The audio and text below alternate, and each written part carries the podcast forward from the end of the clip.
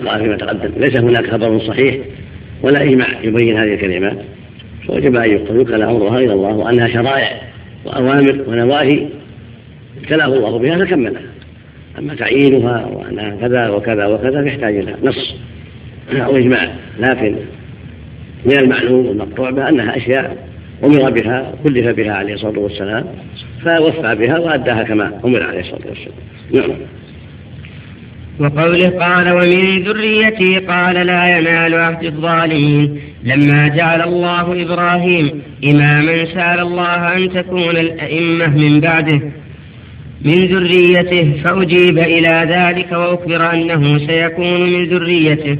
ظالمون وأنه لا ينالهم عهد الله ولا يكونون أئمة فلا يقتدى بهم. والدليل على ذا والدليل على أنه أجيب إلى طلبته. قوله تعالى في سورة العنكبوت وجعلنا في ذريته النبوة والكتاب فكل نبي فكل نبي أرسله الله وكل كتاب أنزله الله بعد إبراهيم ففي ذريته صلوات الله وسلامه عليه. وأما قوله تعالى قال لا ينال عهد الظالمين فقد اختلفوا في ذلك.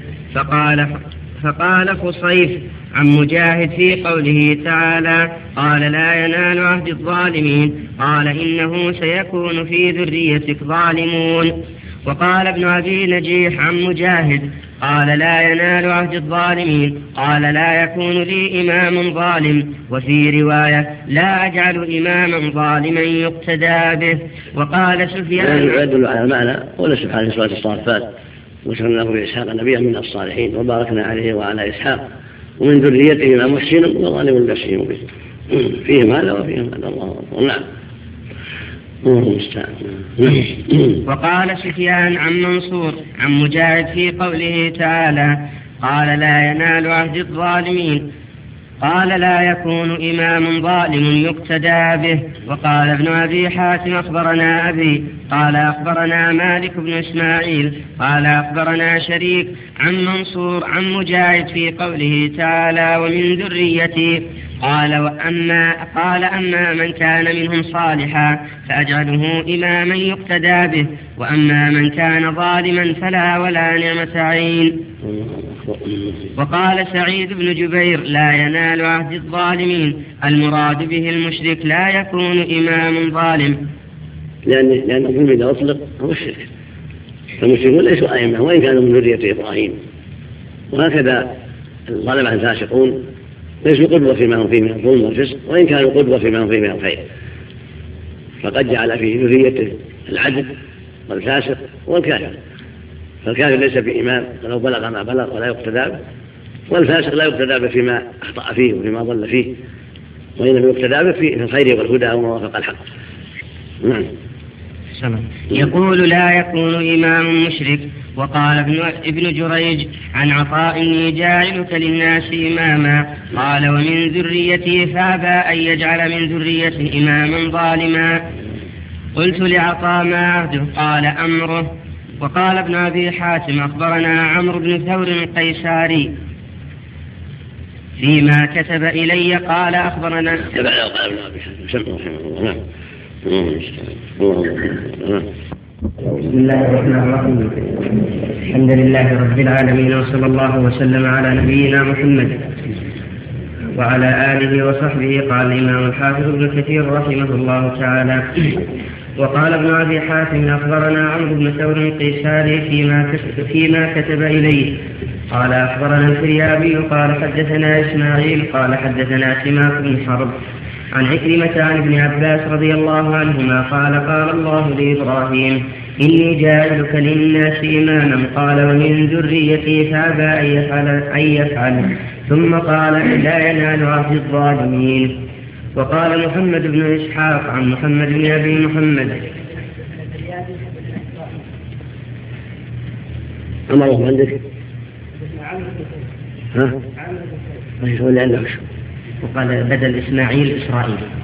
عندهم حدثنا عمرو بن ثور إيش؟ وقال ابن أبي حاتم أخبرنا عمرو بن ثور القيساري قيساري نعم. إيه. فيما كتب إليه. قال أخبرنا الفريابي قال حدثنا إسماعيل. عندك إسرائيل؟ النسخة في واحدة نسخة يوالد أبي حاتم بعض وهي موجودة في المكتبة. بعض أجزاء هي فيها أجزاء مخطوطة هي من السعودية ولا موجودة؟ ها؟ كم؟ ها؟ طلعت كم؟ ما ادري لكن فيه الخبري واحد في المدينة مكتبة المدينة مكتبة عارف واحد فقط لكن المكتبة السعودية فيها بعض لكن تمر تشوف نعم نعم.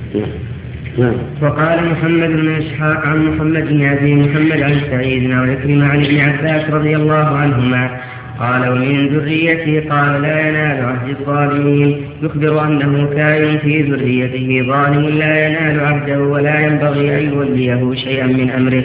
وإن كان من ذرية خليله ومحسن ستنفذ فيه دعوته وتبلغ له فيه ما أراد من مسألته. وقال العوفي عن ابن عباس رضي الله عنهما قال لا ينال عهد الظالمين. قال يعني عهد عهد. قال يعني لا عهد لظالم عليك في ظلمه أن تطيعه فيه. وقال ابن جرير حدثنا إسحاق. قال أخبرنا عبد الرحمن بن عبد, الله عن إسرائيل عن مسلم عن مسلم الأعور عن مجاهد عن ابن عباس رضي الله عنهما قال قال لا ينال عهد الظالمين. قال ليس للظالمين عهد وإن عاهدته انقضه وروي عن مجاهد وعطاء ومقاتل ومقاتل بن حيان نحو ذلك. وقال الثوري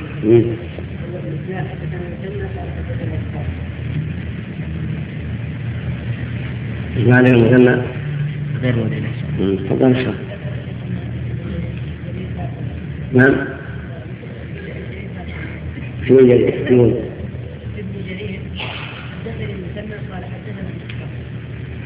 شو هذا معروف من طريقة دائما حدث من المثنى لكنه مدرك مدرك الاسحاق وادرك أصحابه.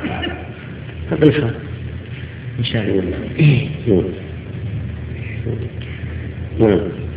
وقال الثوري عن هارون بن عنترة عن أبيه قال ليس لظالم عهد. وقال عبد الرزاق أخبرنا معمر عن قتادة في قوله لا ينال عهد الظالمين. قال لا ينال عهد الله في الآخرة الظالمين فأما في الدنيا فقد ناله الظالم فآمن به وأكل وعاش. وكذا قال إبراهيم النقعي وعطاء والحسن وعكرمة. وقال الربيع بن أنس عهد الله الذي عهد إلى عباده دينه يقول لا ينال دينه الظالمين. ألا ترى أنه قال وباركنا وباركنا عليه وعلى إسحاق ومن ذريتهما محسن وظالم لنفسه مبين. يقول ليس كل ذريتك يا إبراهيم على على الحق. وكذا روي عن أبي العالية وعطاء ومقاتل بن حيان. وقال جويبر عن الضحاك لا ينال طاعتي عدو لي يعصيني ولا أنفلها إلا وليا ليطيعني. وقال جويبر. نعم. وقال جويبر عن الضحاك لا ينال طاعتي عدو لي يعصيني ولا أنفلها إلا وليا لي ولا ولا ولا ولا أنفلها ولا أنفلها أحسن. نحلة أنحلها. أنحلها. نحل ينحل نعم. ولا أنحلها إلا وليا لي يطيعني وقال الحافظ أبو بكر بن مردويه أخبرنا عبد الرحمن بن محمد ابن حامد قال أخبرنا أحمد بن عبد الله بن سعيد الدامغاني قال أخبرنا وكيع عن الأعمش عن سعيد بن عبيدة عن أبي عبد الرحمن السلمي عن علي بن أبي طالب رضي الله عنه عن النبي صلى الله عليه وسلم قال لا ينال عهد الظالمين. قال لا طاعة إلا في المعروف. وقال السدي لا. سعيد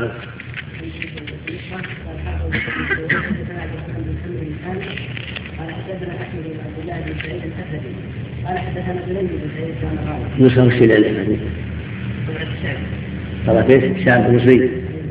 لما؟ الله عليك في طبعا. تصوير في لبنان أحسن؟ مصورة في لبنان. إيه.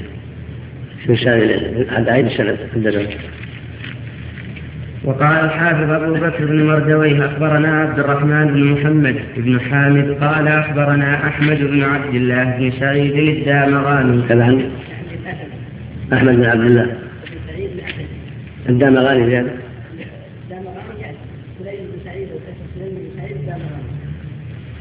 أحمد بن عبد الله أحمد بن عبد الله. بن سعيد الدامغاني إيش بعد؟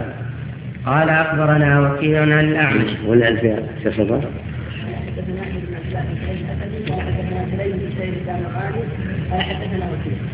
حط على نسخة على النسخة عند اللي سلطان. وانت عندك نسخة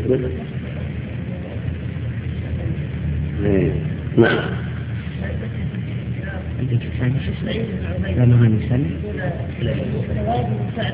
يعني والحديث الصحيحين حديث الاعمش كما سياتي في قوله تعالى يا ايها الذين امنوا اطيعوا الله الرسول نعم نعم الذي لي ان ذكر الايه في هذا الحديث شاذ قد اتاه السيوطي بالدم المنصور إلى من غير مسلم نعم فالنسخة بعد عند سلطان نعم يوم حدثنا وكيع عباده عن الأعمش عن سعيد بن عبيدة عن أبي عبد الرحمن السلمي عن علي بن أبي طالب رضي الله عنه عن النبي صلى الله عليه وسلم قال لا ينال عبد الظالمين.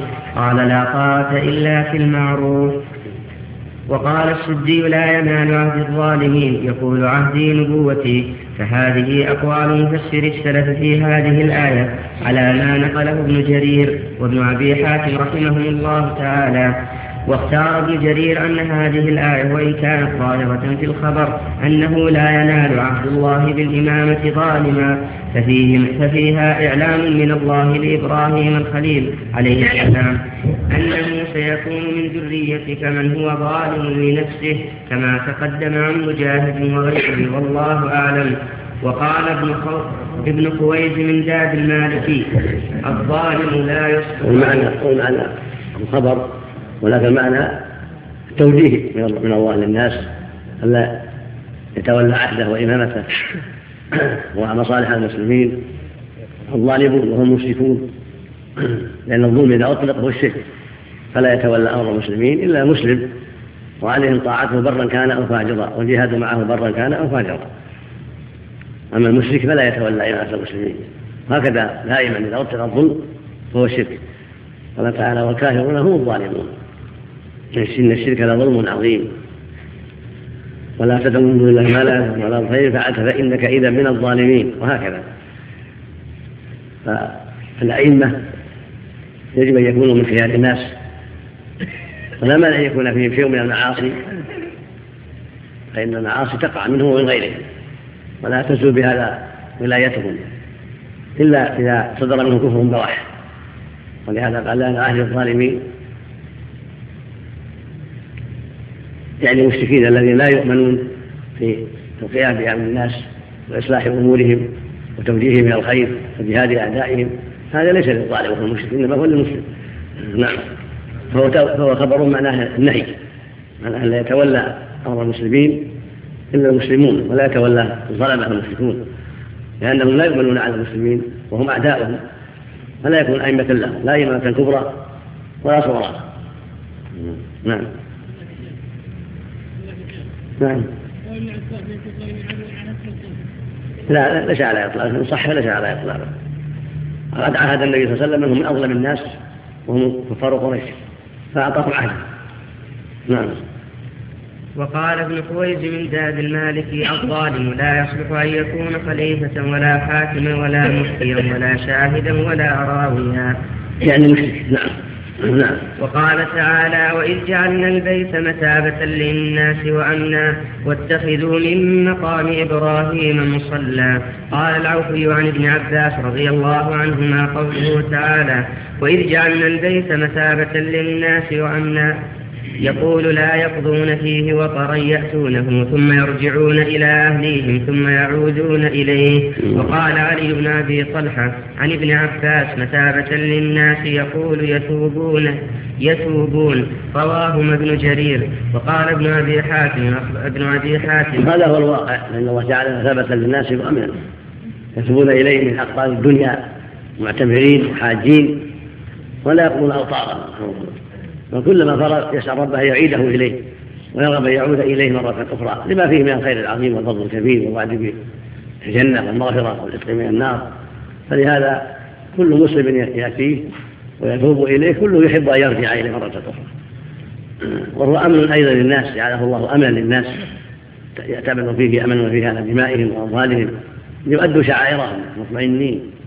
والمعنى أن هذا فرض على المسلمين ليعتبروا هذا البلد أمان وأن يكفوا عن القتال فيه والأذى حتى يرتاح المسلمون في أداء مناسكهم. فهو خبر معناه الالتزام بذلك. وهكذا قوله تعالى ومن دخله كان آمنا يعني وجب أن يؤمن. من دخله كان آمنا يعني وجب أن يعطى الأمان وأن كان مشركا حتى يخرج منه أو يخرج منه ليقام عليه ما يستحق. وهكذا ممنوع أن تسفك الدماء. ولم يحل النبي إلا ساعة من النهار عليه الصلاة والسلام إلا من فتك فيه وأقدم على المنكر فإنه يؤخذ من الحق. فمن قتل فيه قص منه من سرق فيه قطع من ارتد فيه قتل لأنه أحدث الجريمة فيه فلا بأس بإقامة حدها عليه. أما من جاء من الخارج فدخل فيه حج أو عمرة أو لاجئا فإنه يؤمن حتى يخرج منه حتى يخرج أو يخرج. نعم.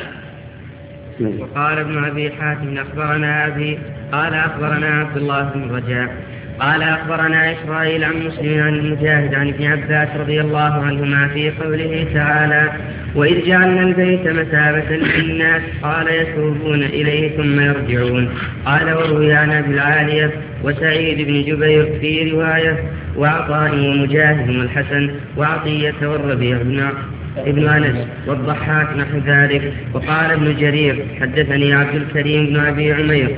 قال حدثني الوليد بن مسلم. قال قال أبو عمرو يعني الأوزاعي. حدث. قال حدثني عبدة بن أبي لبابة في قوله تعالى وإذ جعلنا البيت لل... وإذ جعلنا البيت مثابة للناس. قال لا ينصرف عنه منصرف وهو يرى أنه قد قضى منه وطرى وحدثني يونس, يونس عن ابن وهب قال قال ابن زيد وإذ جعلنا البيت مثابة للناس قال يتوبون إليه من البلدان كلها ويأتونه وما أحسن ما قال الشاعر في هذا المعنى. أورده القرطبي جعل البيت مثابة لهم ليس منه الدهر يقضون الوطر وقال سعيد بن جبير في الرواية الأخرى وعكرمة قتادة جعل البيت الله نعم. جعل البيت مثابة لهم ليس منه الدهر يقضون الوتر. كذا مثابة. مثابا. جعل البيت مثابا مثابا لهم. نعم. ليس منه الدهر يقضون الوتر. الله نعم. وقال سعيد بن جبير في الرواية الأخرى وعكرمة وقتاده وعطاء الخرساني مثابة للناس أي مجمعا وأمنا. قال الضحاك عن ابن عباس أي أمنا للناس. وقال أبو جعفر الرازي عن الربيع بن أنس عن أبي العالية وإذ جعلنا البيت مثابة للناس وأمنا يقولون يقول وأمنا من العدو وأن يحمل فيه السلاح. وقد كانوا في الجاهلية يتخطف الناس من حولهم وهم آمنون لا يسبرون وروي عن مجاهد وعطاء والسدي وقتادة والربيع بن أنس قالوا من دخله كان آمنا. ومضمون ما فسر به هؤلاء الأئمة هذه الآية أن الله تعالى يذكر, يذكر شرف البيت وما جعله موصوفا به شرعا وقدرا من كونه مثابة للناس أي جعله محلا تشتاق إليه الأرواح وتحن إليه ولا تقضي منه وطرا ولو ترددت إليه كل عام استجابة من الله تعالى. لدعاء خليله إبراهيم عليه السلام في قوله فجعل فدة من الناس تهوي إليهم إلى أن قال ربنا وتقبل دعائي. ويصفه تعالى نعم. ويصفه تعالى بأنه جعل أمنا من دخله أمن. ولو كان قد فعل ما فعل ثم دخله كان آمنا. وقال عبد الرحمن بن زيد بن أسلم كان الرجل يلقى قاتل أبيه أو أخيه فيه فلا يعرض له.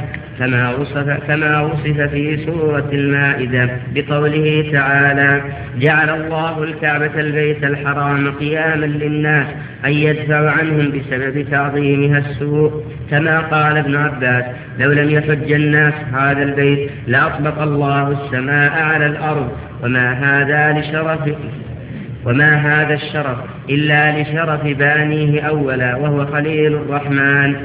عليه الصلاة والسلام كما قال تعالى وإذ بوأنا لإبراهيم مكان البيت ألا تشرك بي شيئا وقال تعالى إن أول بيت وضع للناس للذي ببكة مباركا وهدى للعالمين. فيه آيات بينات مقام إبراهيم ومن دخله كان آمنا وفي هذه الآية الكريمة نبه على مقام إبراهيم مع الأمر بالصلاة عنده فقال واتخذوا من مقام إبراهيم مصلى. وقد اختلف المفسرون في المراد بالمقام ما هو فقال ابن أبي حاتم أخبرنا هذا وقد اختلف المفسرون رحمه الله. نعم. بسم الله الرحمن الرحيم. الحمد لله رب العالمين وصلى الله وسلم على نبينا محمد. وعلى آله وصحبه قال الحافظ ابن كثير رحمه الله تعالى وقد اختلف المفسرون في المراد بالمقا- بالمقام ما هو. فقال ابن أبي حاتم أخبرنا عمرو بن شبة عمر عمر بن شبه.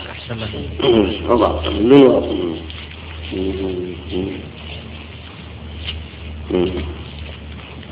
أخبرنا عمر بن شبة النميري. نعم. قال حدثنا أبو خلف يعني عبد الله بن عيسى قال أخبرنا داود بن أبي هند عن مجاهد عن ابن عباس رضي الله عنهما واتخذوا من مقام إبراهيم مصلى. قال مقام إبراهيم الحرم كله. وروي عن مجاهد وعطاء مثل ذلك وقال أيضا أخبرنا الحسن بن محمد بن الصباح قال حدثنا حجاج عن ابن جريج قال سألت عطاء عن قوله تعالى واتخذوا من مقام إبراهيم مصلى قال سمعت ابن عباس رضي الله عنهما قال أما مقام إبراهيم الذي ذكر ها هنا فمقام إبراهيم هذا الذي في المسجد. ثم قال ومقام إبراهيم يعد كثير مقام إبراهيم الحج كله. ثم فسره لي عطاء فقال التعريف وصلاتان بعرفة والمشعر وم- ومنى ورمي الجمار والطواف بين الصفا والمروة. فقلت أفسره ابن عباس؟ قال لا ولكن قال مقام إبراهيم الحج كله. قلت أسمعت ذلك لهذا أجمع. قال نعم سمعته منه هذا سند جيد وهذا سند جيد ويدل على مقام إبراهيم الذي ذكر الله فيه الصلاة والمقام المعروف الذي صلى خلفه النبي صلى الله عليه وسلم والحجر المعروف ويطلق مقام إبراهيم على جميع الحرم كله وعلى مشاعر الحج. لأنه قامها عليه الصلاة والسلام إبراهيم وامرنا ان أن نسير على نهجه عليه الصلاة والسلام. وإذا صلى في أي بقعه من الحرم فقد صلى في مقام إبراهيم لكن المقام الخاص هو هذا الحجر المعروف الذي كان يقوم عليه حين البناء وكان ملصقا بالكعبة ثم أخره ومر إلى مكانه المعروف والنبي صلى خلفه لما طاف عليه الصلاة والسلام. والحرم كله من مقامات إبراهيم مقام إبراهيم مفرد مضاف غير عمر.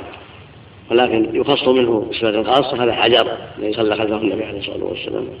وإذا صلى في المسجد أو في اي بقعه من الحرم فقد صلى في مقام إبراهيم وهكذا المشاعر كلها عرفات ومزدلفه ونحو ذلك كلها مقامات كلها لأنه وقف فيها حين عد المشاعر عليه الصلاة والسلام.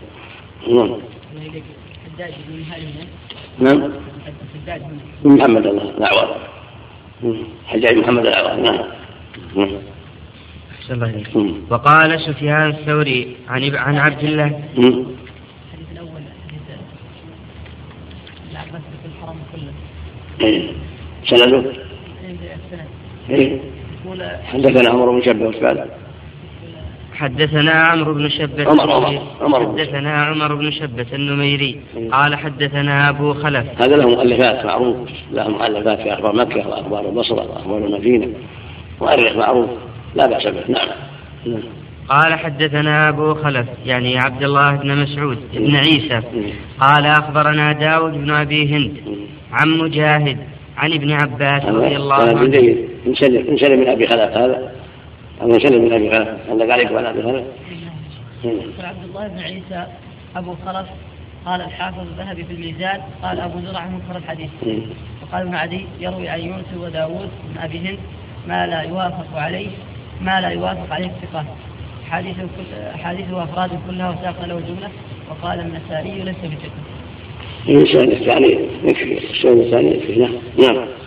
مم. نعم.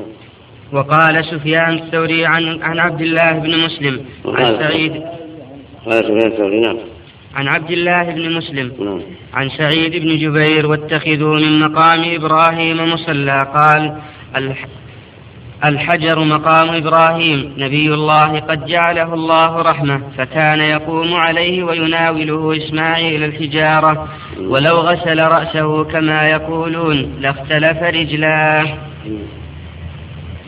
وقال السدي والمقام الحجر الذي وضعته زوجة إسماعيل تحت قدم إبراهيم حتى غسلت رأسه حكاه القرطبي وضعفه ورجحه غيره. وحكاه الرازي في تفسيره عن الحسن البصري وقتاده الربيع بن أنس. وقال ابن أبي حاتم أخبرنا الحسن بن محمد بن الصباح قال أخبرنا عبد الوهاب بن عطاء عن ابن جريج عن جعفر بن محمد عن أبيه قال سمعت جابر رضي الله عنه يحدث عن حجة النبي صلى الله عليه وسلم قال لما طاف النبي صلى الله عليه وسلم قال له عمر هذا مقام أبينا؟ قال نعم. قال أفلا نتخذه مصلى؟ فأنزل الله عز وجل واتخذوا من مقام إبراهيم مصلى. نعم. المقصود لو غسل رأسه. هذه رواية جلس عليه حين غسلت هذا الرأس يقول لو جلس كانت رجليه مختلفتين يمين مت- متقاربة يعني. يعني يحج الحج قليلا عند غسل الرأس. لكن الصواب الأول المراد وقوفها عليه عند البناء عليه الصلاة والسلام. نعم. وقال عثمان بن أبي شيبة أخبرنا أبو أسامة عن زكريا عن أبي إسحاق عن أبي ميسرة قال قال عمر رضي الله عنه قلت يا رسول الله هذا مقام خليل ربنا. قال نعم. قال أفلا نتخذه مصلى؟ فنزلت. واتخذوا من مقام إبراهيم مصلى.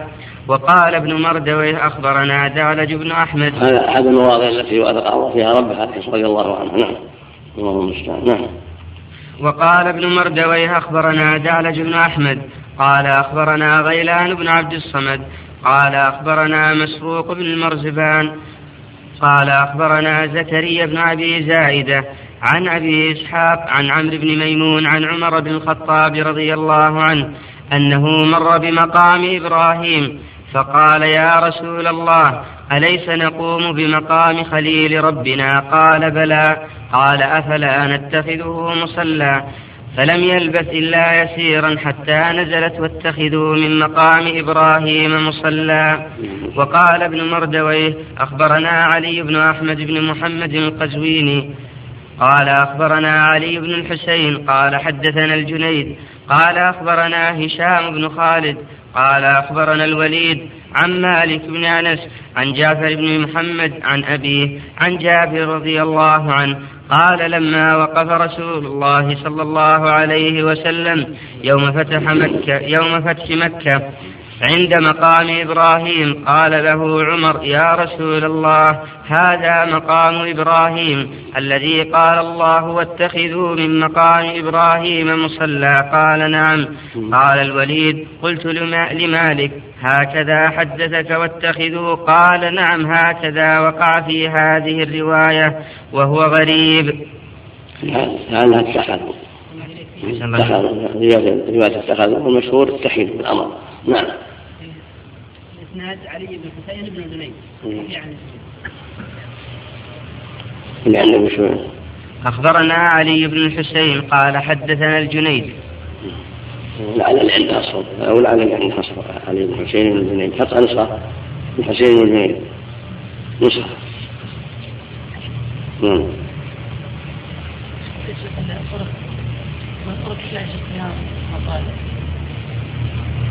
يشد بعضها بعضا طريق الحسن الزعفراني جيد. هو معروف. عن عباس وعن غيره. على العلم يكفي الحديث الصحيح انه مسلم الصحيح. إنه لما أتى مقام إبراهيم صلى خلفه عليه الصلاة والسلام. يكفي. الطرق الأخرى كلها شواهد نعم. لا لا جاء في حديث صحيح كثيرا. نعم.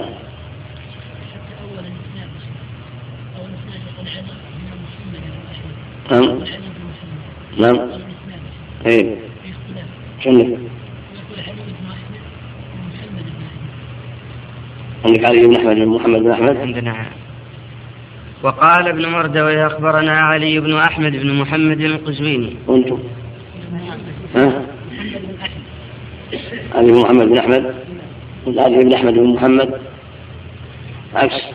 نعم. علي بن أحمد بن محمد. نعم أحسن. هكذا عندنا. وعندك علي بن محمد بن أحمد. احمد بن محمد. حتى اليسار راجع شيوخ بالمرجوية متأخرون مم. لا لا. أنتم حطوا نسخة ويحط نسخة؟ حتى يراجع في التذكرة نعم. نتكلم عليها. نعم. مقبول؟ نعم. زيارة.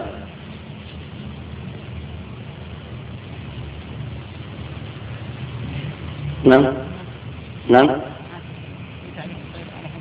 نعم.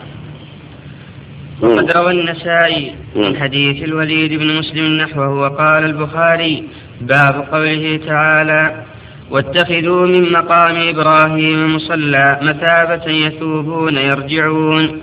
حدثنا مسدد قال أخبرنا يحيى عن حميد عن أنس بن مالك رضي الله عنه قال قال عمر بن الخطاب رضي الله عنه وافقت ربي في ثلاث أو وافقني ربي في ثلاث قلت يا رسول الله لو اتخذت من مقام إبراهيم مصلى فنزلت واتخذوا من مقام إبراهيم مصلى. وقلت يا رسول الله يدخل عليك البر والفاجر فلو أمرت أمهات المؤمنين بالحجاب فأنزل الله آية الحجاب. قال وبلغني معاتبة النبي صلى الله عليه وسلم بعض نسائه فدخلت عليهن فقلت إن انتهيتن أو لي- أو ليبدلن الله رسوله خيرا منكن حتى أتيت إحدى نسائه. قالت يا عمر أما في رسول الله صلى الله عليه وسلم ما يعظ نساءه حتى تعظهن أنت؟ فأنزل الله عسى ربه إن طلقكن أن يبدله أزواجا خيرا منكن مسلمات الآية. وقال ابن أبي مريم أخبرنا يحيى بن أيوب حدثني حميد قال سمعت أنسا عن عمر رضي الله عنه عن عمر بن الخطاب رضي الله عنه هكذا ساقه البخاري ها هنا. وعلق الطريقة الثانية عن شيخه سعيد بن الحكم المعروف بابن أبي مريم المصري. وقد تفرد عنه بالرواية البخاري من بين أصحاب الكتب الستة وقد روى عنه الباقون بواسطة وغرضه من تعليق هذا الطريق ليبين فيه اتصال إسناد الحديث وإنما لم يسنده لأن يحيى بن أبي أيوب الغافقي فيه شيء كما قال الإمام أحمد فيه هو سيء الحفظ والله أعلم. وقال الإمام أحمد حدثنا هشيم قال ايوب لا يحيى بن ايوب عندنا يحيى بن ايوب إيش لأن يحيى بن أبي أيوب. يلا وقال سيد وقال وقال ابن ابي مريم أحسن الله إليك. وقد وعلق الطريق. وقال ابن أبي مريم أخبرنا يحيى بن أيوب. نعم هذا الصواب. نعم. بدون أبي نعم. لا كمل نعم يا ابن ايوب نعم. أحسن الله إليك. يا ابن ايوب نعم.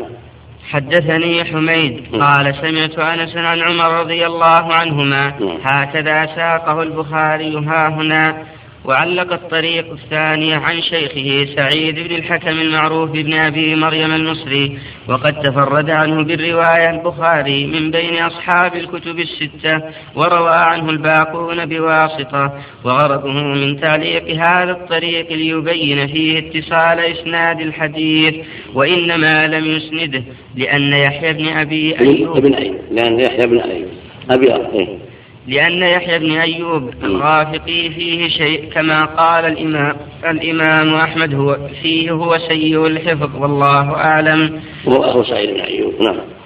نعم. وقال الإمام أحمد حدثنا هشيم قال أخبرنا حميد عن أنس قال قال عمر رضي الله عنهما وافقت ربي عز وجل في ثلاث قلت يا رسول الله لو اتخذت من مقام تقريب. حي من أيوب نعم. قلت يا رسول الله لو اتخذت من مقام إبراهيم مصلى فنزلت واتخذوا من مقام إبراهيم مصلى. وقلت يا رسول الله إن نساءك يدخل عليهن البر والفاجر فلو أمرتهن أن يحتجبن. فنزلت آية الحجاب واجتمع على رسول الله صلى الله عليه وسلم نساؤه في الغيرة فقلت لهن عسى ربه إن طلقكن أن يبدله أزواجا خيرا منكن. فنزلت هكذا ثم رواه أحمد عن يحيى, وابن أبي عدي. كلاهما عن حميد عن أنس عن, ابن عن عمر رضي الله عنهما أنه قال وافقت ربي في ثلاث أو وافقني ربي في ثلاث فذكره. وقد رواه البخاري عن عمر وابن عون والترمذي.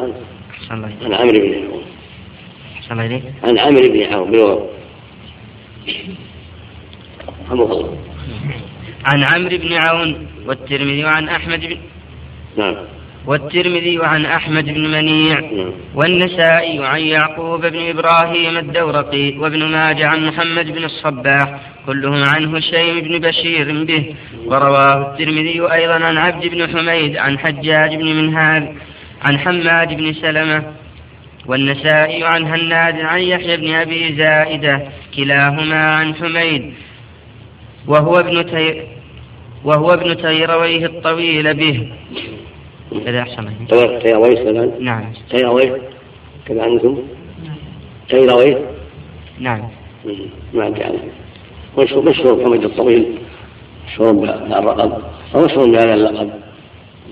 قلت يحيى؟ نعم. نعم يحيى بن أيوب الغافر. بمعجمة وفاء وخاف. أبو العباس المصري. صدوق ربما أخطأ من السابعة. ربما. نعم. هذه إشارة لإشارة أحمد أنه بعد سنة مات سنة 68 الجماعة. شوف حميد الطويل حميد بن الطويل حميد الطويل شو اسمه؟ كلام الله الطيلوي ها؟ طيب. هذا يستعمل في سيبويه نفطويه نفطويه وراهويه تنطق بهذا وهذا.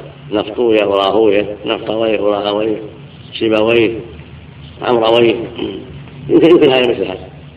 يكون هذا مثل هذا. تيرويه وتيرويه حميد بن أبي حميد الطويل. أبو عبيد البصري. اختلف في اسم أبيه في اسم أبيه على نحو الله المستعان ثقة مدلس. وعابه زائدة لدخوله في شيء من أمر الأمراء. من الخامس مات سنة اثنتين ويقال ثلاث وأربعين. وهو قائم يصلي وله خمس وسبعون غفر الله له أعرض عنه. أعرض عنه. ذكر فيه الخلاف الكثير وأعرض عنه. نعم. ماشي. نعم. قال الترمذي حسن صحيح. نعم. ورواه الإمام علي بن المديني عن, عن يزيد بن زريع عن حميد به وقال هذا من صحيح الحديث وهو بصري. ورواه الإمام مسلم بن الحجاج في صحيحه بسند آخر ولفظ آخر. فقال أخبرنا عقبة بن مكرم. أخبرنا عقبة بن مكرم.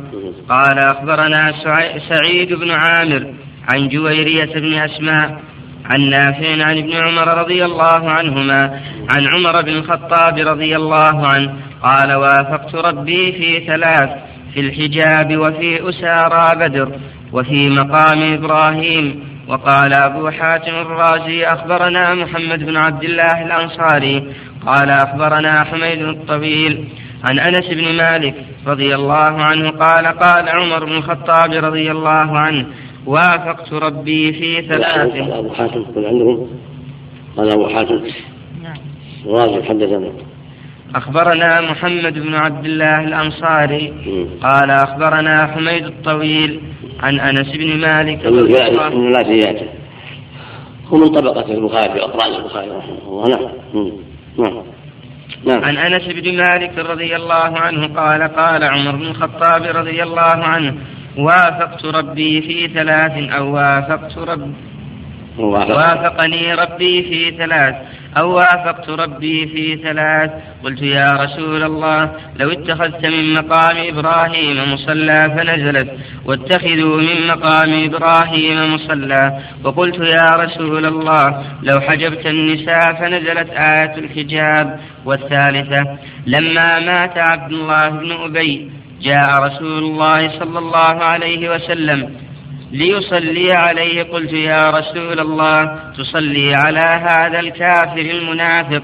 فقال إيها عنك يا ابن الخطاب. فنزلت ولا تصل على أحد منهم مات أبدا ولا تقم على قبره. وهذا إسناد صحيح أيضا. ولا تعارض بين هذا ولا هذا. بل الكل صحيح ومفهوم العدد إذا عارضه منطوق قدم عليه والله أعلم وقال ابن جريج أخبرني جعفر بن محمد عن أبيه عن جابر رضي الله عنه أن رسول الله صلى الله عليه وسلم رمل ثلاثة أشواط ومشى أربعا حتى إذا فرغ عمد إلى مقام أبدا من باب ضرر أبدا من باب ضرر أبدا يعيد نعم. عمد إلى مقام إبراهيم فصلى خلفه ركعتين ثم قرأ واتخذوا من مقام إبراهيم مصلى. وقال ابن جرير حدثنا يوسف. بن الرواية اللي فيها غسل نعم. الرواية اللي فيها غسل زوجة إسماعيل. لا ما أعرف لها أصل ما أعرف لها أصل. أخبار إسرائيلية. لكن مناسبة؟ أقول مناسبة في هذا. أنا أقول في أن أن مقام إبراهيم مقام إبراهيم حين غسلت هذا الرأس. يعني خارج الحرم خارج المسجد. نعم. خارج المسجد. يحتمل. مم. مم. مم. طيب. والسير بالكسر السين تيه تيه إيه. والجائز بين الحائطين وال- والحاجز والحاجز والجائز بين الحائطين إيه إيه كضيفة بالأهوال وحميد بن سير الطويل و- و- وأحمد بن إيش؟ سير الطويل كير يعني يقول يقول من العشرة يقول من العشرة. تير وتيرويه. لأن ذكر عشرة أقوال. بس صدق مثل ما قال نعم يقول تي- تير أحد الأقوال على هذا يكون تيرويه القول الثاني زاد مم. نعم نسيب ويه مم. مم. الحافظ ابن كثير رحمه الله تعالى وقال ابن جرير حدثنا يوسف بن سليمان قال أخبرنا حاتم بن إسماعيل قال أخبرنا جعفر بن محمد عن أبيه عن جابر قال استلم رسول الله صلى الله عليه وسلم الركن فرمل ثلاثا ومشى أربعا ثم نفذ إلى مقام إبراهيم فقرأ واتخذوا من مقام إبراهيم مصلى فجعل المقام بينه وبين البيت فصلى ركعتين وهذا قطعة من الحديث الطويل الذي رواه مسلم في صحيحه. من حديث حاتم بن إسماعيل وروى البخاري بسنده عن عمرو بن دينار قال سمعت ابن عمر رضي الله عنهما يقول قدم رسول الله صلى الله عليه وسلم فطاف بالبيت سبعا وصلى خلف المقام ركعتين. فهذا كله مما يدل على أن المراد بالمقام إنما هو الحجر الذي كان إبراهيم عليه السلام يقوم عليه لبناء الكعبة لما ارتفع الجدار أتاه إسماعيل عليه السلام به ليقوم فوقه ويناوله الحجارة فيضعها بيده لرفع الجدار. وكلما كمل ناحية انتقل إلى الناحية الأخرى يطوف حول الكعبة وهو واقف عليه كلما فرغ من جدار نقله إلى الناحية التي تليها. وهكذا حتى تم الجدران حتى تم جدران الكعبة كما سيأتي. في بيانه في قصة إبراهيم وإسماعيل في بناء البيت من رواية ابن عباس عند البخاري. وكانت آثار قدميه ظاهرة فيه ولم يزل هكذا معروفا تعرف تعرفه العرب في جاهليتها. ولهذا قال أبو طالب في قصيدته المعروفة اللامية وموطئ إبراهيم في الصخر وموطئ. وموطئ. قسم يحلف وموطئ إبراهيم في الصخر ركبة على قدميه حافيا غير ناعل نعم. وقد أدرك المسلمون ذلك فيه أيضا كما قال عبد الله بن وهب. أخبرني يونس بن يزيد عن ابن شهاب أن أنس بن مالك حد رضي الله عنه حدثهم قال رأيت المقام فيه أصابع فيه أصابعه عليه السلام فيه أصابعه عليه السلام وأخمص قدميه غير أنه أذهبه مسح الناس بأيديهم. وقال ابن جرير أخبرنا بشر بن معاذ قال أخبرنا يزيد بن زريع قال أخبرنا سعيد عن قتادة واتخذوا من مقام إبراهيم مصلى إنما أمروا أن يصلوا عنده ولم يؤمروا بمسحه وقد تكلفت هذه الأمة شيئا ما تكلفته الأمم قبلها. ولقد, ولقد ذكر لنا من رأى أثر عقبه وأصابعه.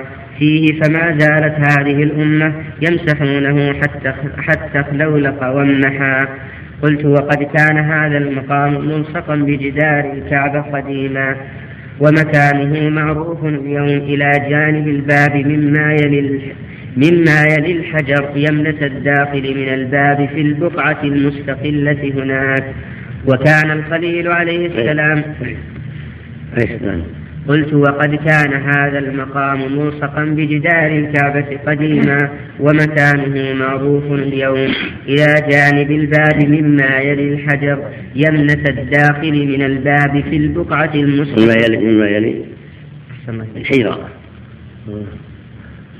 لأنه يمنة الداخل لا يمين الداخل نعم. والحجر عن يسار الداخل نعم. يمنة الداخل نعم. يعني بين بين الباب وبين الحجر. حطيمة نعم. نعم. نعم. نعم هذه من آيات الله. لأن غالب الوقوف على الحجر لا يؤثر. حفر في محل الأصابع. والأخمص لكن هذه من آيات الله. على ما ذكر الرواة الله أراد أن يريهم. آية من آياته في هذا الحجر نعم. سبحانه وتعالى. نعم. والسنة إنما هو أن يجعل قبلة للناس. لا يتمسح به. التمسح به منكر بدعة لا أصل له. وإنما تخلف هذه الأمة وابتداع كثير منها حصل منه ما حصل. وإنما المشروع أن يجعله قبلة له صلوا خلفه. صلى قبلة. وهكذا استلام الحجر الركن اليماني وتقبيل الحجر الأسود. كل هذا شرعه الله لعباده. فعليهم التأسي. به وما سوى ذلك لا يشرع فلا تمسح الجران ولا الأركان الأخرى. لأن هذا لم يشرع الناس عليهم الاتباع. وليس لهم الابتداع. ولهذا لما مسح معاوية ركنين آخرين اجتهادا منه. قال قال ابن عباس إن النبي لم يسمع يمسحهما. فقال معاوية ليس من البيت شيء مهجور. فقال ابن عباس لقد كان لكم في رسول الله أسوة حسنة. فقال صدقت.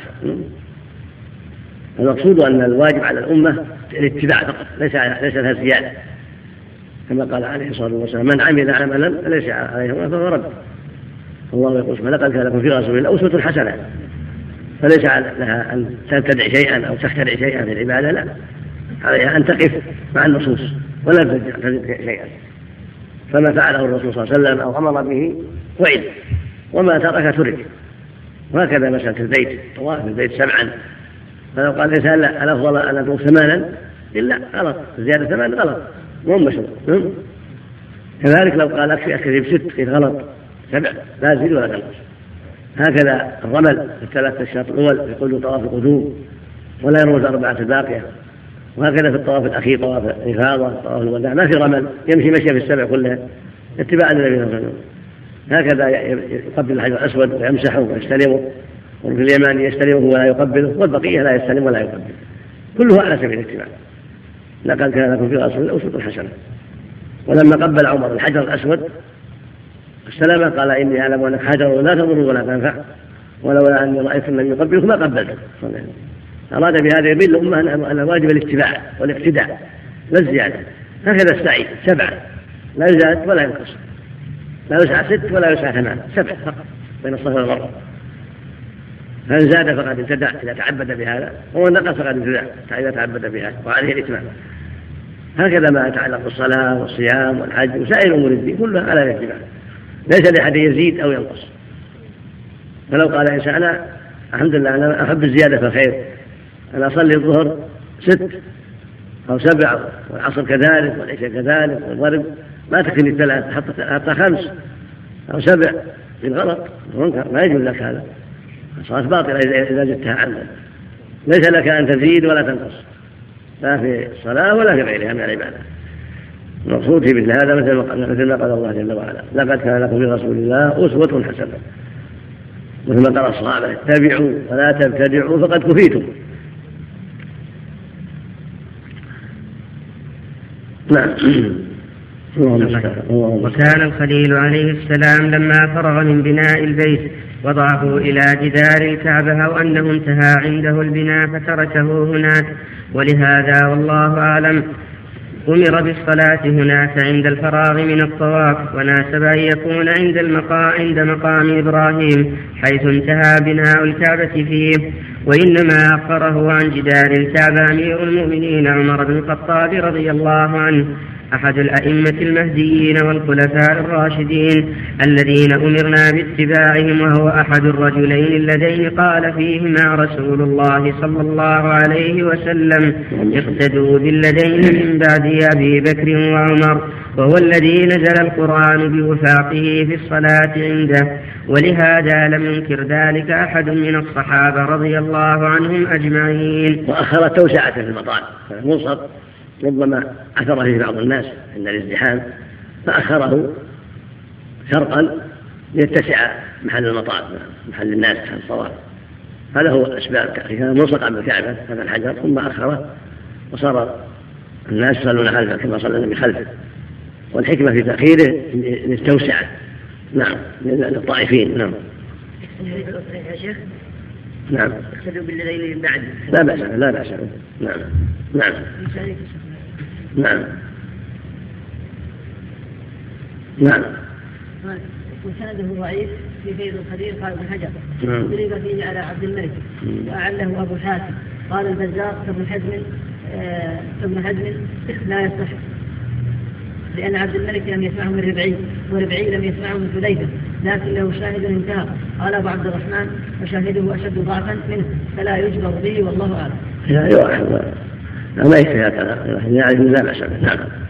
نعم. ولهذا جزم به المؤلف ولهذا جزم به المؤلف الحافظ ابن كثير رحمه الله. نعم. لو أخر المقام الآن. لا بأس إذا لو أخر بعض الشيء للتوسعة ما في مانع. اتباعا لما فعل عمر. نعم. ولكن جاء في بحث بين أهل العلم هذا منهم من رأى تأخيرا ومنهم من بقاء. ولو أخر لا بأس لو أخر بعض الشيء شرقا لا بأس. نعم. نعم. لو صلى الإنسان إلى الموضع الأول هل يقال صلى خلف المقام؟ لا السنة خلف المقام السنة خلفه نفسه مو خلف محله خلفه هو. نعم. قال عبد الرزاق عن ابن عن ابن جريج حدثني عطاء وغيره عن اصحاب من أصحابنا. قال أول من نقله عمر بن الخطاب رضي الله عنه. وقال عبد الرزاق أيضا عن مامر عن حميد الأعرج. عن مجاهد قال أول من أخر المقام إلى مق... إلى موضعه الآن عمر رضي الله عنه. وقال الحافظ أبو بكر أحمد بن علي بن الحسن بن الحسين البيهقي. وقال وقال. وقال الحافظ أبو بكر أحمد بن علي بن الحسين البيهقي. كذلك؟ أحمد بن الحسين. قدم آخر نعم. وقال الحافظ أبو بكر أحمد بن الحسين بن علي البيهقي. نعم. أخبرنا أبو الحسين بن الفضل القطان قال أخبرنا القاضي أبو بكر أحمد بن كا- بن كامل.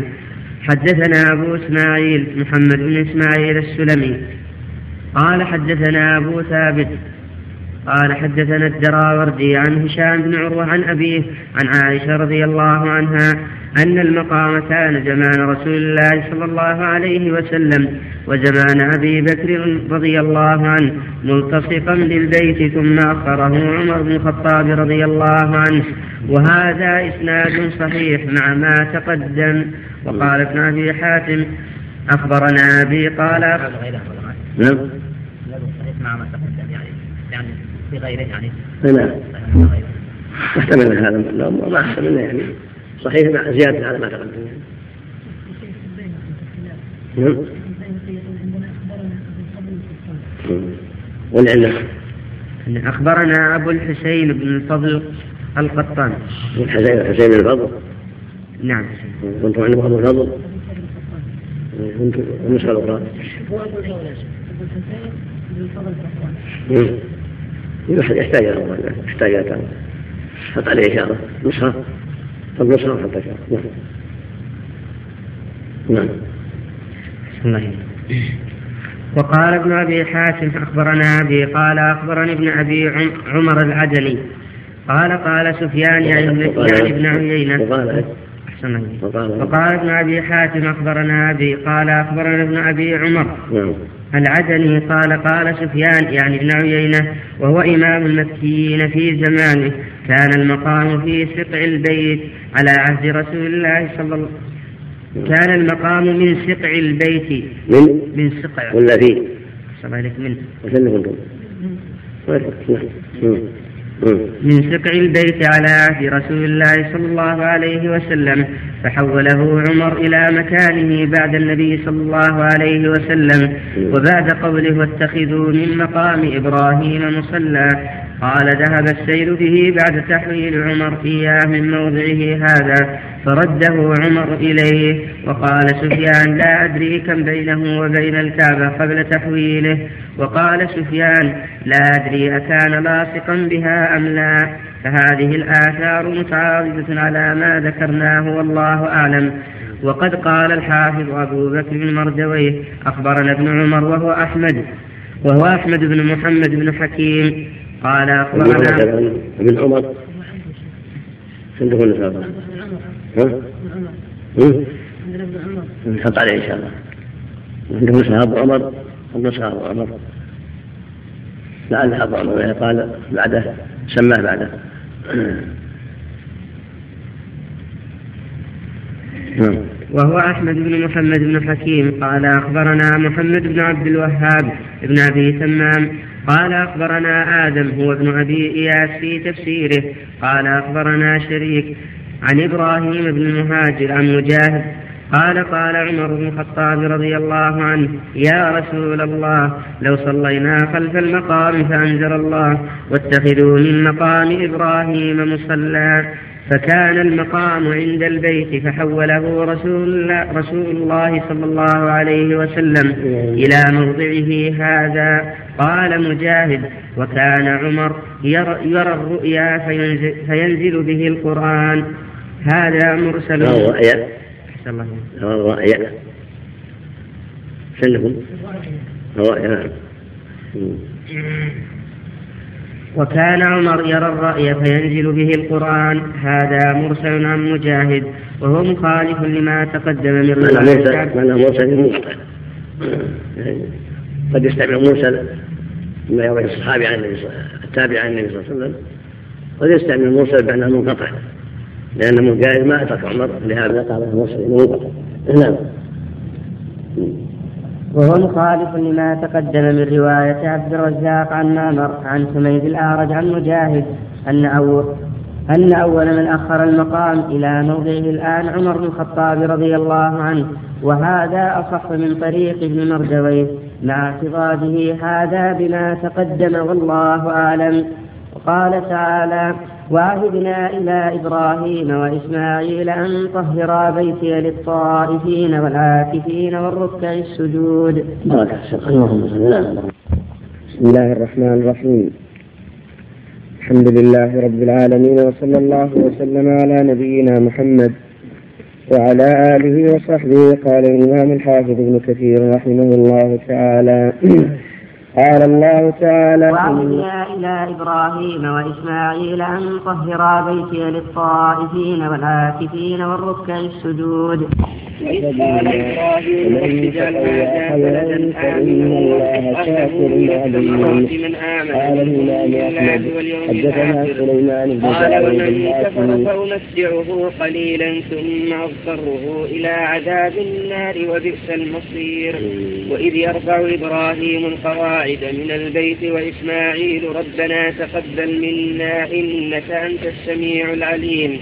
ربنا وجعلنا مسلمين لك ومن ذريتنا أمة مسلمة لك وأرنا مناسكنا وتب علينا إنك أنت التواب الرحيم. قال الحسن البصري رحمه الله تعالى قوله وعهدنا إلى إبراهيم وإسماعيل قال أمرهما الله أن يطهراه من الأذى والنجس ولا يصيبه من ذلك شيء. وقال ابن جريج قلت لعطاء ما عهده قال أمره. وقال عبد الرحمن بن زيد بن أسلم وعهدنا إلى إبراهيم أي أمرناه كذا. قال والظاهر أن هذا الحرف إنما عدي بإلى لأنه, إن لأنه في معنى تقدمنا وأوحينا. وقال سعيد بن جبير عن ابن عباس رضي الله عنهما قوله إن أن طهرا بيتي للطائفين والعاكفين. قال من الأوثان وقال مجاهد وسعيد بن جبير طهرا بيتي للطائفين. إن ذلك من الأوثان والرفث وقول الزور والرجس قال ابن أبي حاتم وروي عن عبيد بن عمير وأبي العالية وسعيد بن جبير ومجاهد وعطاء وقتادة أن طهر بيتي أي بلا إله إلا الله من الشرك وأما قوله تعالى للطائفين فالطواف بالبيت معروف. وعن سعيد بن جبير آية عامة الآية تعم التطهير من النجاسات التطهير من الشرك والأوثان. والتطهير من كل ما يؤذي الطائفين والمصلين. الآية عامة الله أوحى إليه إليهما أن طهر بيت للطائفين والعاكفين والركع السجود. فالتطهير يكون بإطابة المحل سليما بعيدا من النجاسات والأذى لأنها محل الطواف والمصلين. وأعظم من ذلك وأكبر تطهيره من الشرك والأوثان والأصنام ولهذا لما فتح الله عليه على رسول مكة عليه الصلاة والسلام بدأ بكسر الأصنام وإزالتها تحطيمها لأنها ضد التوحيد ضد ما بعث الله به الرسل فهي أعظم منكر وأقبح منكر وأقبح رجس ولهذا قال سبحانه فاجتنبوا الرجس من الأوثان واجتنبوا كل الرجس. فهي أعظم الرجس وأخبث الرجس نسأل الله العافية. نعم. وعن سعيد بن جبير أنه قال في قوله تعالى للطائفين يعني من أتاه من غربة والعاكفين المقيمين فيه وهكذا روي عن قتادة. عن قتادة والربيع بن أنس أنهما فسرا العاكفين بأهله المقيمين فيه كما قال سعيد بن كما قال سعيد بن جبير وقال يحيى القطان. عن عبد الملك هو ابن أبي سليمان عن عطاء في قوله والعاكفين قال من انتابه من الأمصار فأقام عنده وقال لنا ونحن مجاورون أنتم من العاكفين. وقال وفي والعاكف والقائم هو المقيم فيه كما في الآية في الحج والقائمين. يعني معنى المقيمين. والطائف قد يكون مقيما وقد يكون مسافرا إنما جاء للبيت للحج أو العمرة. والعاكف والقائم هو المقيم فيه سواء كان من أصله أو كان قرب إليه وأقام به. والركع السجود هم المصلون. والمقصود طهروه طهران لجميع من ينتاب هذا البيت من طائف وراكع وساجد ومقيم فيه حتى لا يكون فيه ما كان في عهد الجاهلية. نعم. ابن ابي سليمان عندك. من نعم. ابن أبي سليمان. نعم. وقال وكيع عن أبي عن أبي بكر الهذلي عن عطاء عن ابن عباس رضي الله عنهما قال إذا كان جالسا فهو من العاكفين. وقال ابن أبي حاتم أخبرنا أبي قال أخبرنا موسى بن إسماعيل قال أخبرنا حماد بن سلمة قال أخبرنا ثابت قال قلنا لعبد الله بن عبيد بن عمير ما أراني إلا مكلم الأمير أن أمنع الذين ينامون في المسجد الحرام فإنهم يجنبون ويحدثون. قال لا تفعل فإن ابن عمر سئل عنهم فقال هم العاكفون. ورواه عبد بن حميد عن سليمان بن حرب عن حماد بن سلمة به.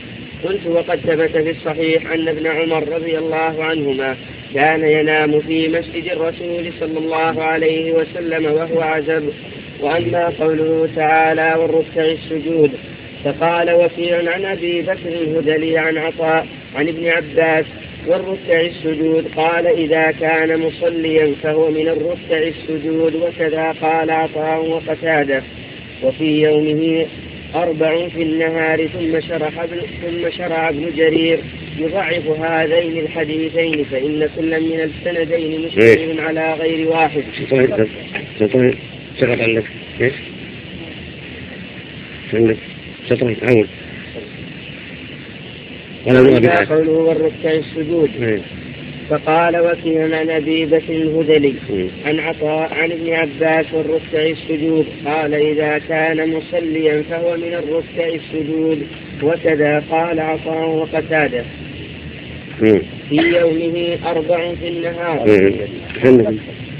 يقول قال ابن جرير رحمه الله ومعنى الآية وأمرنا إبراهيم وإسماعيل بتطهير بيتي للطائفين والتطهير الذي أمرهما به بالبيت هو تطهيره من الأصنام. هذا يأتي بعد. تعليق هنا في الحاشية.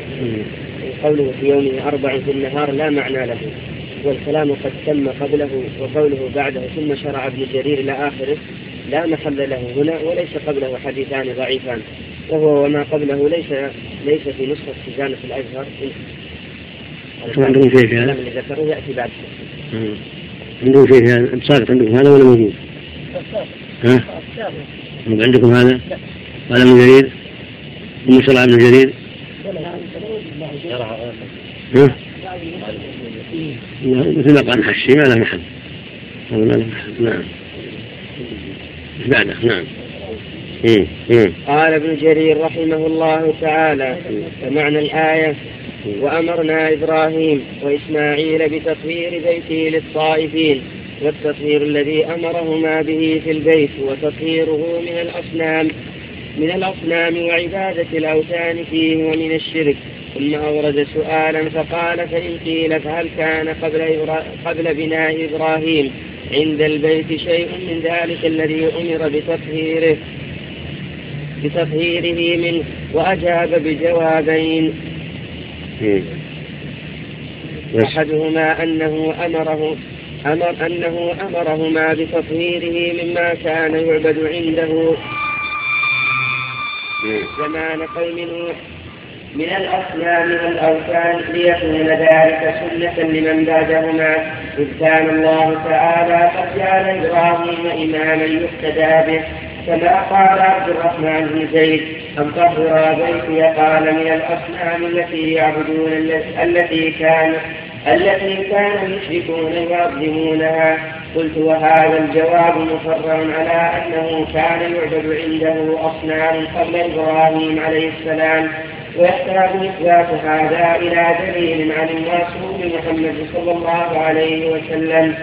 الجواب الثاني أنه أمرهما أن يخلصا أي أن يخلص في بنائه لله وحده لا شريك له فيبنياه مطهرا من الشرك والريب. كما قال جل ثناؤه أفمن أسس بنيانه على تقوى من الله ورضوان خير؟ أم من أسس بنيانه على شفا جرف نار قال فكذلك قوله وعهدنا إلى إبراهيم وإسماعيل أن تطهر بيتي. أي المياه على طول من الشرك لي والغيب. كما قال السدي أن طهر بيتي ابني بيتي للطائفين وملخص هذا الجواب أن الله تعالى أمر إبراهيم وإسماعيل عليهما السلام أن يبني الكعبة على اسمه وحده. لا شريك له لا شريك له للطائفين به والعاكفين عنده والمصلين والمصلين إليه من الركع السجود كما قال تعالى. وإذ بوأنا لإبراهيم مكان البيت ألا تشرك بي شيئا وطهر بيتي للصائفين والقائمين والركع السجود الآيات. وقد اختلف الفقهاء أيما أفضل الصلاة عند البيت أو الطواف به.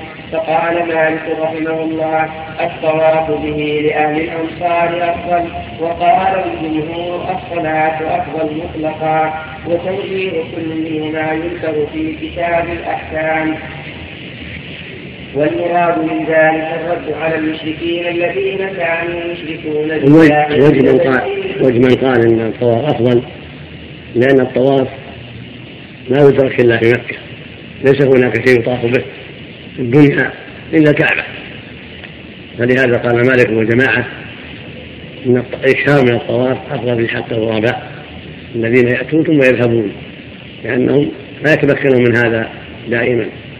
بخلاف المقيمين العاكفين مكة هؤلاء الصلاة أفضل لهم لأن جنس الصلاة أفضل من جنس الطواف ولما فيها من الفضل العظيم.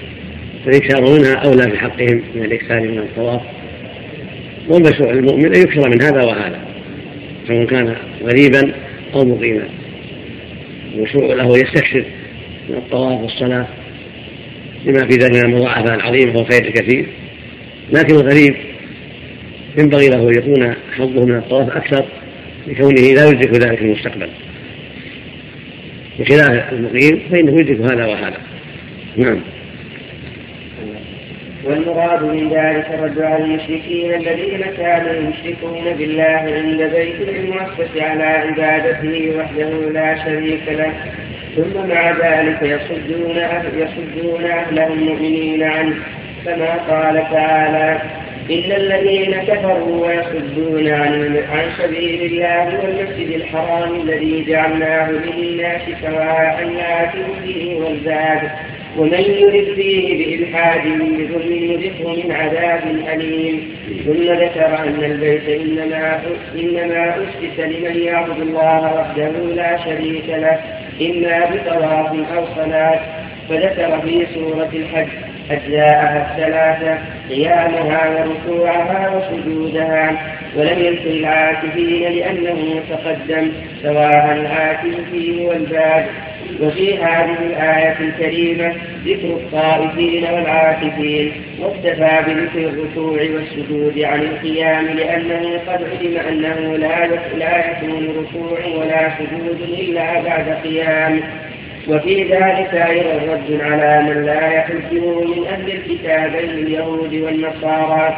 لأنهم يعتقدون فضيلة إبراهيم الخليل وإسماعيل ويعلمون أنه بنى هذا البيت للصواب في الحج والعمرة وغير ذلك والإعتكاف والصلاة عنده وهم لا يفعلون شيئا من ذلك فكيف يكونون مقتدين بالخليل وهم لا يفعلون ما شرع الله له؟ وقد حج البيت موسى بن عمران وغيره من الأنبياء عليهم الصلاة والسلام كما أخبر بذلك المعصوم الذي لا ينطق عن الهوى هو إلا وحي يوحى وتقدير الكلام إذا وتقدير الكلام إذا وعهدنا إذا وعهدنا إلى إبراهيم أي تقدمنا بوحينا إلى إبراهيم وإسماعيل؟ أن طهرا بيتي للطائفين والعاكفين والركع السجود؟ أي طهراه من الشرك والريب؟ وابنياه خالصا لله ناقلا للطائفين والعاكفين والركع السجود. وتطهير المساجد مأخوذ من هذه الآية الكريمة. ومن قوله تعالى في بيوت أذن الله أن ترفع ويذكر فيها اسمه يسبح له فيها بالغدو والآصال ومن السنة من الأحاديث كثيرة من الأمر بتطهيرها وتطييبها وغير ذلك من صيانتها من الأذى والنجاسات وما أشبه ذلك. ولهذا قال عليه الصلاة والسلام إنما بنيت المساجد بما بنيت له. وقد جمعت في ذلك جزءا على حده ولله الحمد والمنة. وقد اختلف الناس في أول من بنى من بنى الكعبة فقيل الملائكة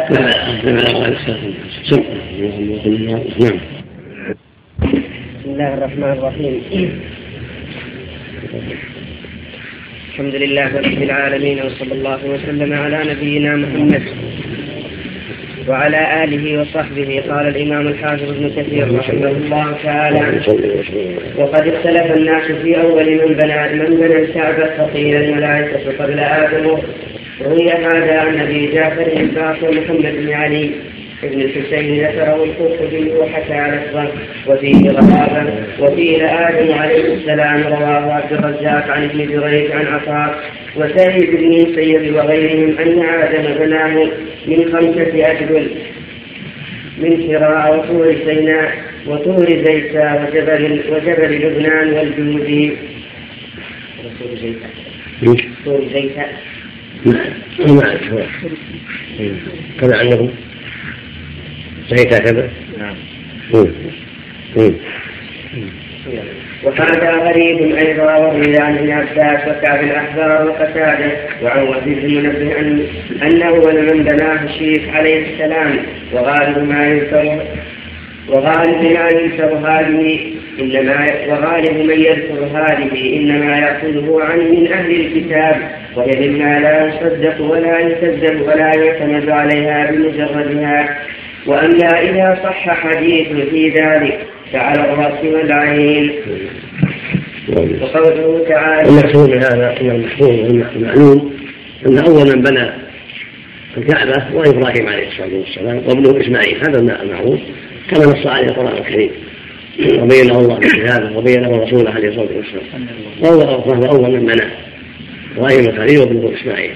أما ما يروى أن بنات الملائكة أو آدم أو شيء فهذا ليس عليه دليل يعتمد ولا يعول عليه. لأنه من أخبار بني إسرائيل التي قال فيها النبي صلى الله عليه وسلم إذا حدث لهم الكتاب فلا تصدقوهم ولا تكذبوهم لأنهم قد يقولون حقا قد يكون باطلا.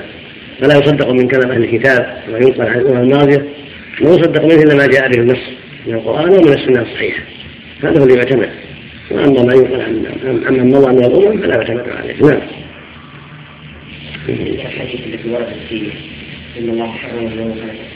هذا التحريم غير البناء التحريم ثابت في الصحيحين.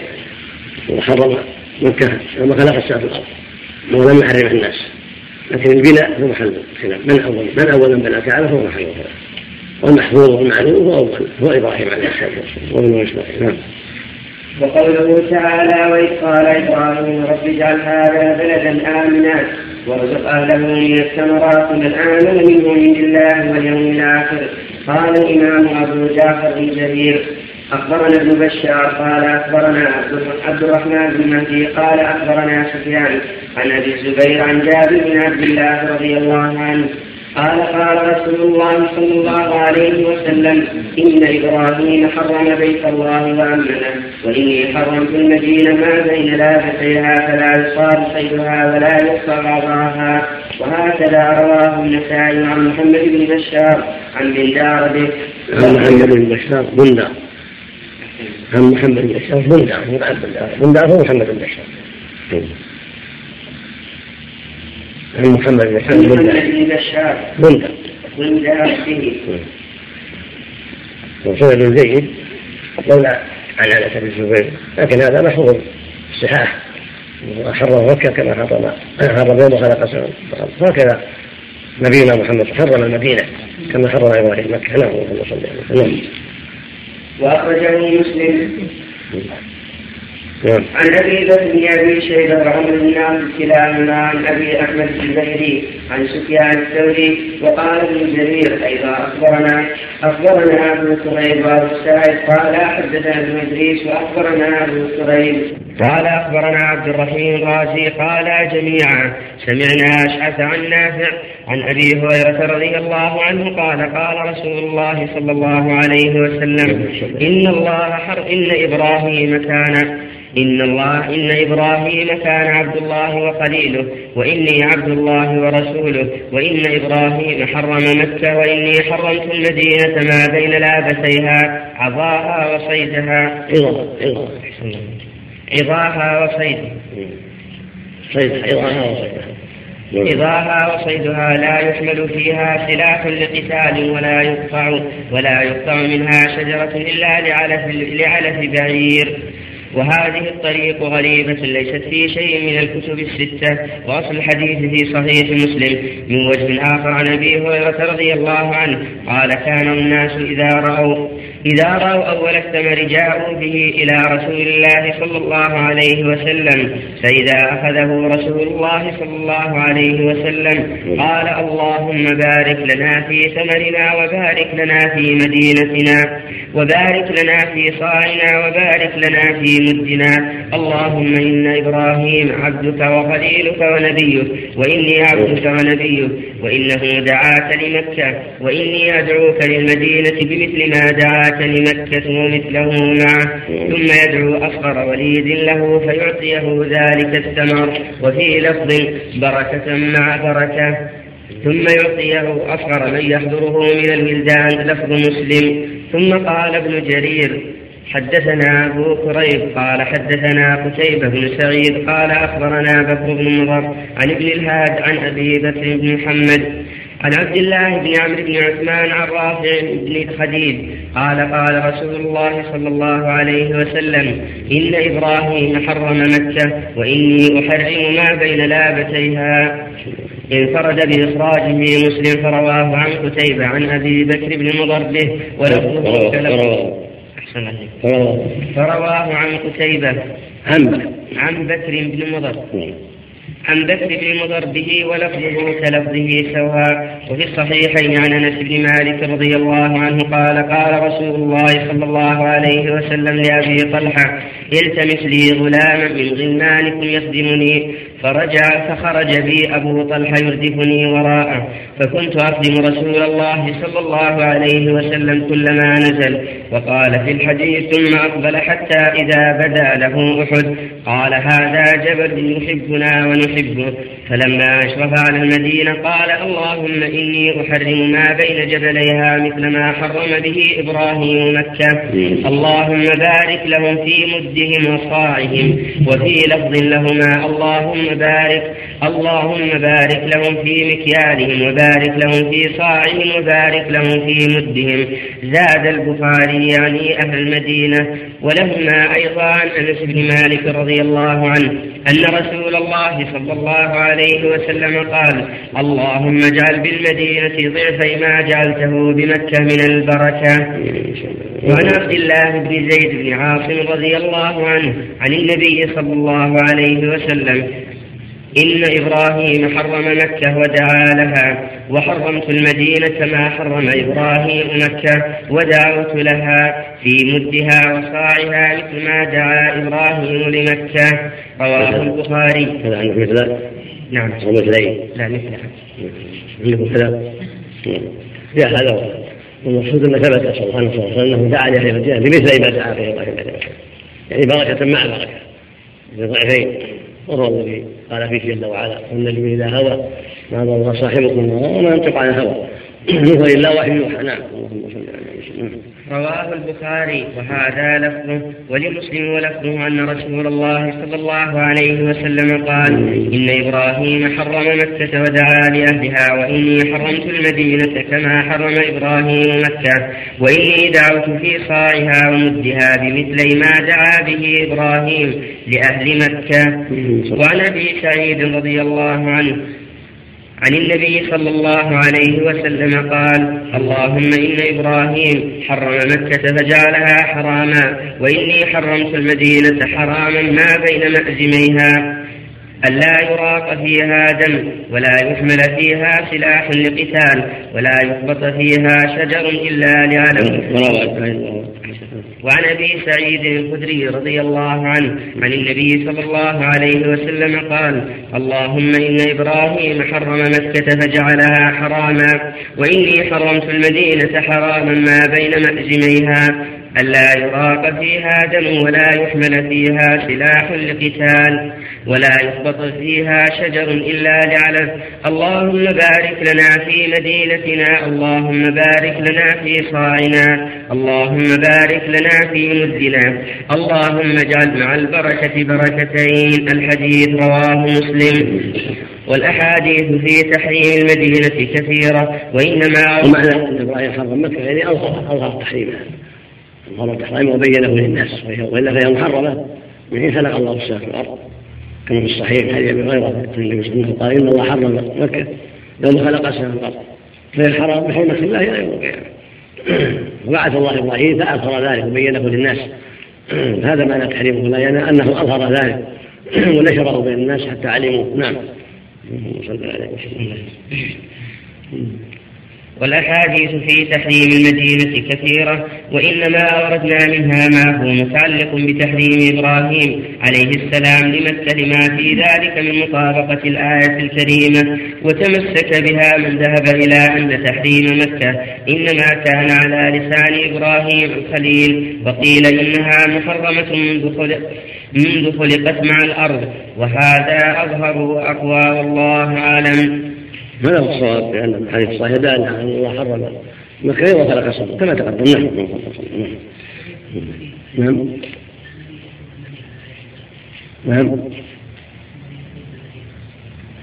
سلب سلب أخبر النبي صلى الله عليه وسلم أن من صاد فيها صيدا واجب أخذ سلبه نعم. بخلاف مكة فإن فيها القضاء فيها الفدية المعروفة. نعم.